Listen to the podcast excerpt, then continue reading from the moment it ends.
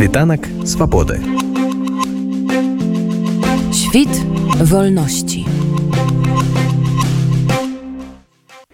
Учора расійскія прапагандысты анансавалі амаль не чарговы гістарычны выступ Пуціна, але насамрэч, што і паўтарыў некалькі улюблёных наратываў пра варожы захад, новыя пра павагу да Украіны яе мовы і культуры і падпісаў загад аб далучэннем запарожскай атамнай электрастанцыі да часткі энергасістэмы рассіі. Таксама прызначыў там свайго дырэктара.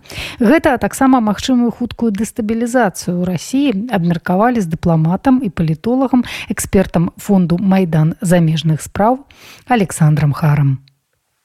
Ну, ви знаєте, мені дуже подобається така фраза Вільяма Шекспіра: Гримить це те, що порожнє зсередини. За великим рахунком, Путін нічого не може сказати такого, що, що якимось чином може кардинально покращити його становище. В принципі, ми бачили його цю промову, коли він оголошував про незаконну анексію території України, і там був повний набір цього мотлаху в його голові, який він е, в який він свята вірить, і про те, що Захід е, постійно намагався знищити Росію, а Росія, значить, втрималася, і зараз вона стверджує своє право бути потужною державою, стверджує цей багатополярний е, світ, воюючи в Україні. І тобто у нього там в голові змішалося і те, що тут нацисти є в Україні, і те, що там в Америці хочуть знищити е, Росію. Хоча безумовно, якщо дивитися на на об'єктивно на історію, е, щонайменше три рази Сполучені Штати рятували Російську імперію, потім радянську Росію і сучасну Росію. 90-ті роки пам'ятають ці ножки Буша е, і дитячу цю суміші, які давали. О, тобто, це залишимо на совісті. Фактично він намагається оцю віртуальну реальність, яку він створив в Російській Федерації, що вони перемагають, що значить був законний і надзвичайно з високим рівнем явки і голосування за входження в Росію референдум. Хоча безумовно референдум слова взагалі викликає лише хохот е, по відношенню до Російської Федерації, от в одній в одній строчці, бо росіяни не бачили демократії, якщо не з 90-х років, то взагалі ніколи. А ну і безумовно, що всі ці референдуми і голосування вони і в Росії мали такий вигляд якогось потішного дійства. Ну а я вже кажу про,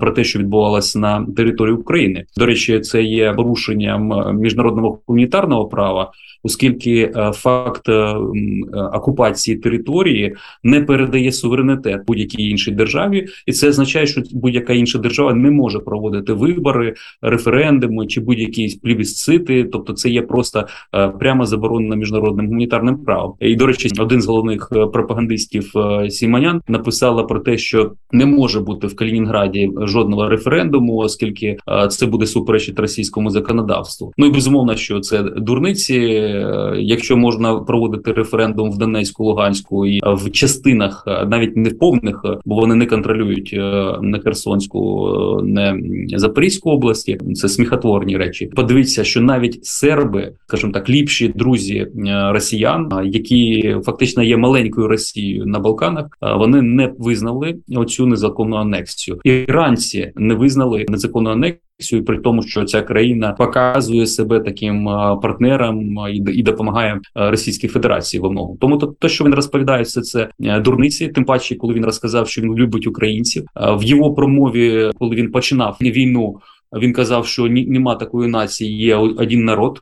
Ну фактично він каже про те, що немає українців, білорусів і росіян. Да є росіяни. Ну тобто в голові як, якась у них там вживає е, уживаються такі речі. От і зараз він сказав, що він нічого не має поганого, не, не, не до культури, не до мови. Хоча впродовж всієї історії з імперських часів українську мову пригничили. Ну ви чудово знаєте, що і е, білоруську, і інші культури і мови пригничили весь цей час. Тому теж, коли він такі речі каже, що він любить е, безумовно, що ми маємо сприймати це як якась дурниця одиниця, яка не має жодних там якихось підстав, а живе в своєму віртуальному світі, і ну до, до реального світу він не дотикається. Тому нам байдуже, що він там розповідає. А зараз вони вирішили не лише прихопити частину Запорізької області, але і взяти у власність е, Запорізьку атомну електростанцію. Вони навіть призначили там потішного директора замість е, українського, якого тривалий час е, тримали в заручниках. Його фактично викрали. На Це показує рівень цієї держави. Вона є терористом, вона не є спонсором терористам тероризму. Росія є терористом, вона є злочинцем, вона є катом, вбивцею, гвалтівником і фактично і вором, бо вона фактично все це вони роблять. І найголовніше це реакція світу. Найголовніше, що не визнана е, ця незаконна анексія, е, запроваджуються санкції. Європейський союз вирішив запровадити обмеження на ціну на нафту російську. Подивимося, як це спрацює. На жаль, АПЕК і АПЕК плюс АПЕК країни експортери нафти, плюс Російська Федерація. Вони прийняли рішення скоротити видобуток нафти, і безумовно, що це вдарить по всіх нас. Я маю на увазі, це будуть рівень життя буде погіршуватися.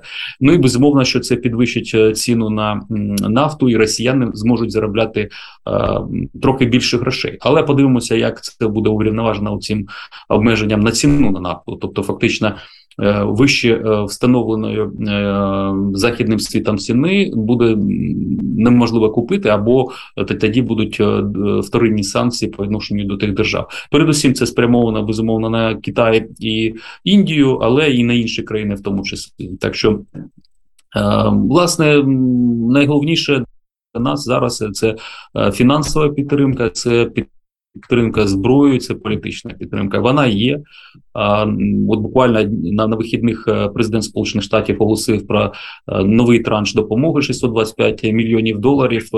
Е, там порядка здається 4 хаймарс системи. А минулого тижня було оголошено про допомогу 1,1 мільярд доларів. Але та, та допомога більш така, скажімо, середньострокова і довгострокова для зброї, для амуніції, там для інших речей. Тобто, в принципі, захід е, не зменшує темпи допомоги України. Нам безумовно хотілося б більше, і у нього є така можливість. Е, я маю на увазі передусім у сполучених штатах. Я маю на увазі передусім озброєння, але і те, що дають, воно доволі вправно використовуються нашими військовими.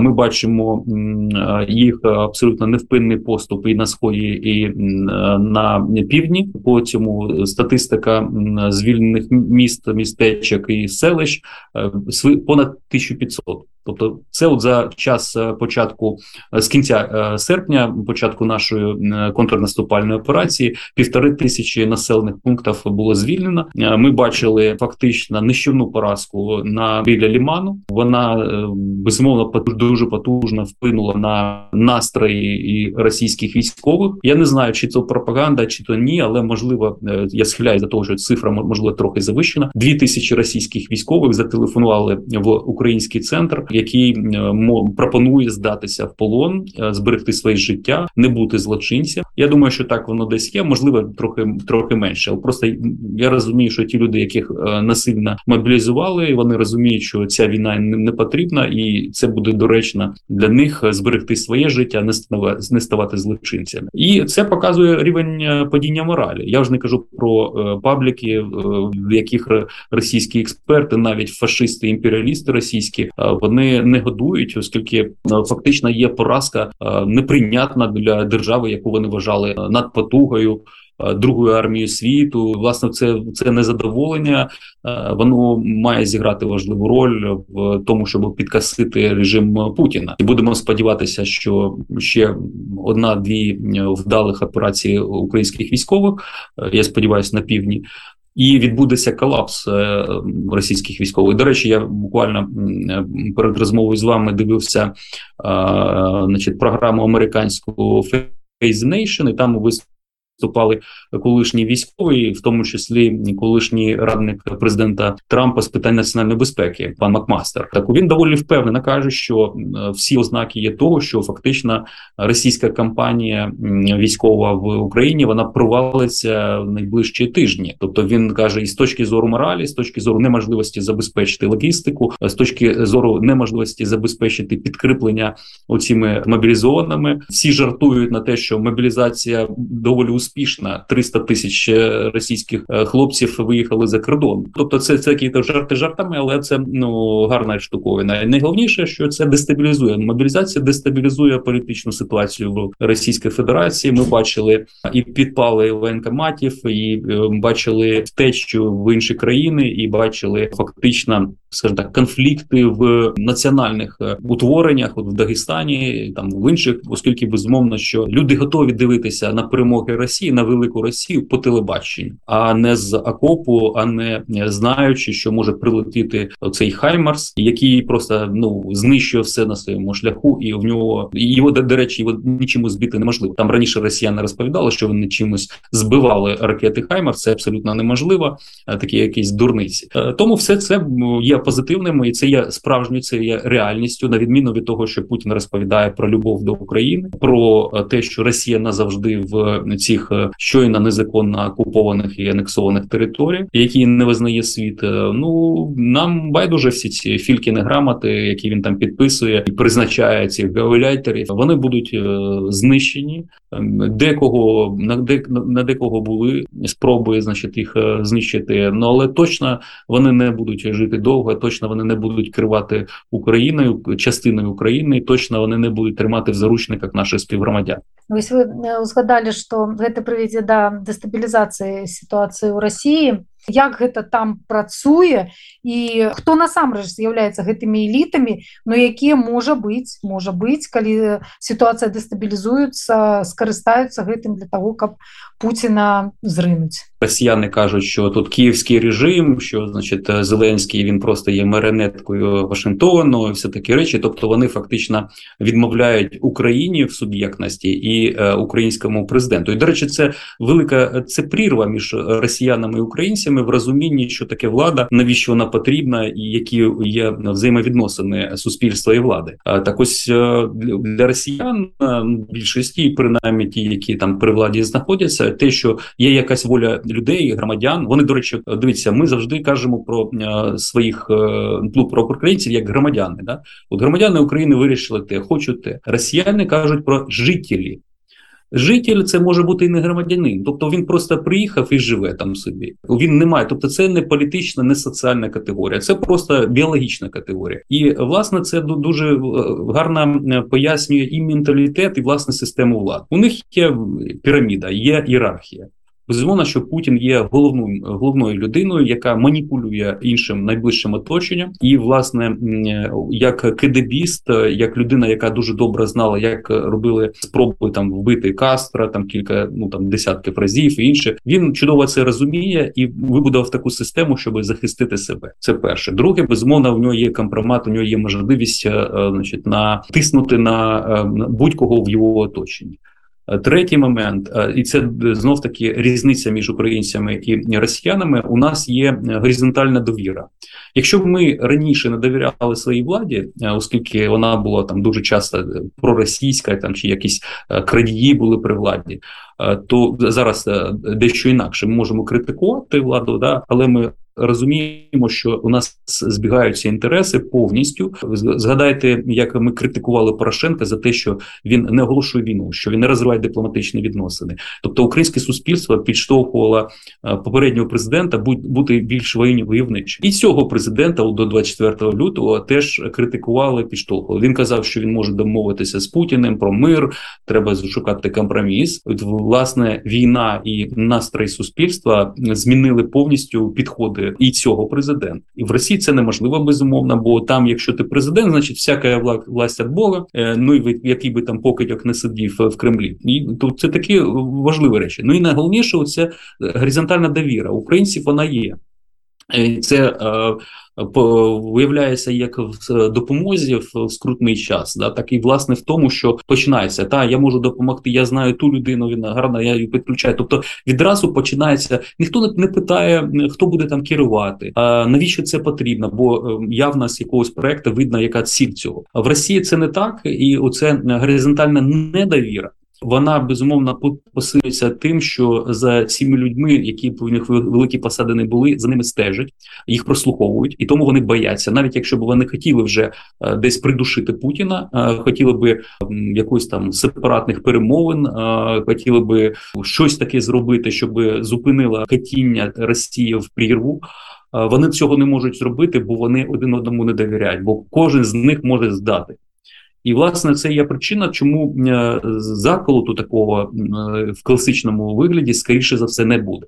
Інше питання, що є центри сили, е, які можуть спробувати щось зробити фізично чи якось чином усунути, але це якась, ну так грубо кажучи, одна башта. Не не може бути якоїсь змови великою кількістю людей. Чому я думаю, що такі шанси збільшилися?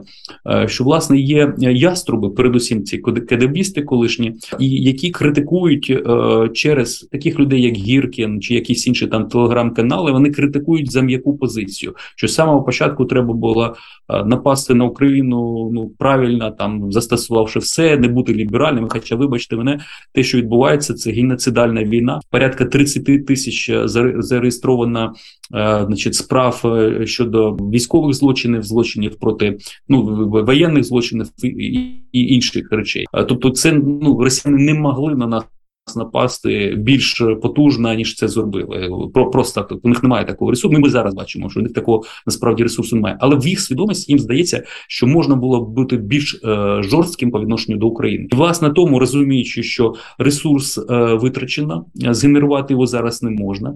Е, і Путін своїми цих напівмірами е, він веде Росію до розвалу. Навіть от ця саме так звана часткова мобілізація. Безумовно, що частково вона лише для плепса, або там може бути як 300 тисяч, так і мільйон 300 і 2 мільйони 300. Але ці яструби вони казали про тотальну мобілізацію і переведення економіки на е, воєнні рельси. І цього не відбувається. Безумовно, що нормальні люди розуміють, економісти там що це буде кінець оцієї російської хімери, бо у них немає можливості витримати ті навантаження економічні. У них в, в умовах е, санкційних обмежень, а найголовніше експортного контролю, тобто у них немає доступу до потрібних технологій. Вони фактично таким е, чином пришвидшать колапс своєї своєї країни. Я кажу про про свідомість е, іншу.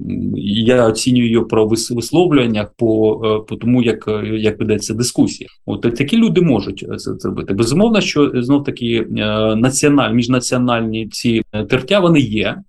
Передусім, безумовно, це Кавказ, але не лише Кавказ, той же самий Сібир. Е, він він дуже сильно відрізняється від е, ну менталітетів від е, Москви. І мало того, що все ці всі ці роки правління Путіна він консолідував в своїх руках медіа, Е, він концентрував в своїх руках е, гроші і владу, забираючи з тих регіонів. То зараз починається з 2014 року, коли санкції є і інші речі, ті регіони ще менше і менше бачать. Тобто вони фактично е, заробляють гроші, ці гроші в них забирають і впускають на безглузду з їх точки зору війну. Бо безмовно Україна хто треба бути повним ідіотом, щоб вірити, що Україна збиралася напасти на Росію. Ядерна держава і там 140 мільйонів цих росіян. Ну тобто такі речі. От, власне, е, такі розломи можуть можуть бути. Ну і найголовніше, що всі ці е, авторитарні режими вони вони спираються на мовчасну підтримку населення.